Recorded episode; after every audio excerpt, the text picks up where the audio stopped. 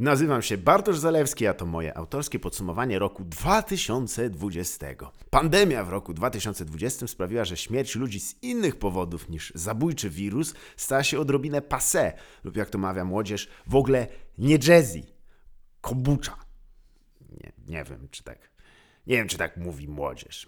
Wiem, że na wieść, że dalej w Afganistanie giną ludzie, wielu z nas reaguje jak na informację, że w telewizji dalej leci agrobiznes. Ha! Nie dość, że leci, jest to jedyny program z nagością bez cenzury przed 12.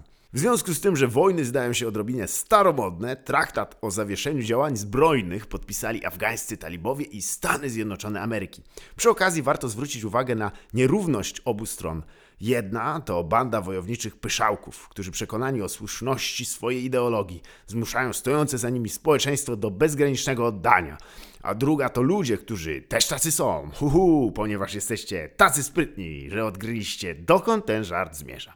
Konflikt afgańsko-amerykański obchodził w tym roku 18 urodziny. Co ciekawe, nie byłby w stanie kupić legalnie alkoholu w żadnym z krajów w nim biorących. Jak pamiętamy, inwazja USA z 2002 roku była bezpośrednią reakcją na zamachy z 11 września 2001 roku, dokonane przez saudyjskiego zamachowca nomen omen, a co miał robić, Osame Bin Ladena, oraz na posiadanie broni masowej zagłady przez Irak.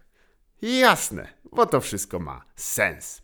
Same potyczki militarne US Army oraz sojusznicy wygrali w cuglach, ale osiągnięcie celów okupacji szło już jak jazda okrakiem na trzynogim osiołku. Swoją drogą, trzynogi osiołek to był mój pseudonim w sekcji wyciskania ciężarów w małomickim klubie sportowym.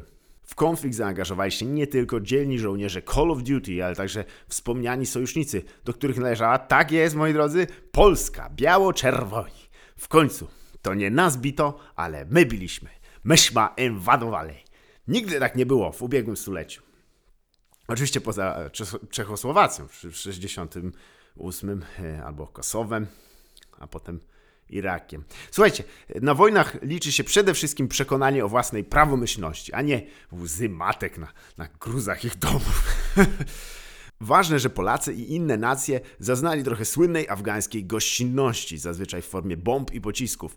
A sens całej zawieruchy najłatwiej podsumować, że do dziś wielu z nas nie pamięta nie tyle, że to się skończyło, ale nawet, że miało miejsce.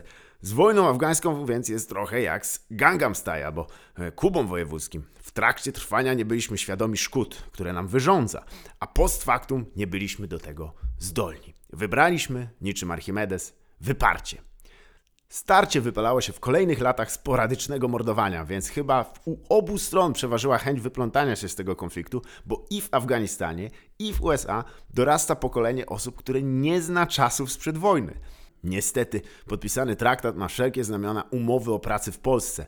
Nie zadowala nikogo jest tylko żałosną zasłoną dla raka toczącego tkankę społeczną. Ale z drugiej strony, z wojnami jest jak z chorobami wenerycznymi, czyli Donald Trump uwielbia je mieć.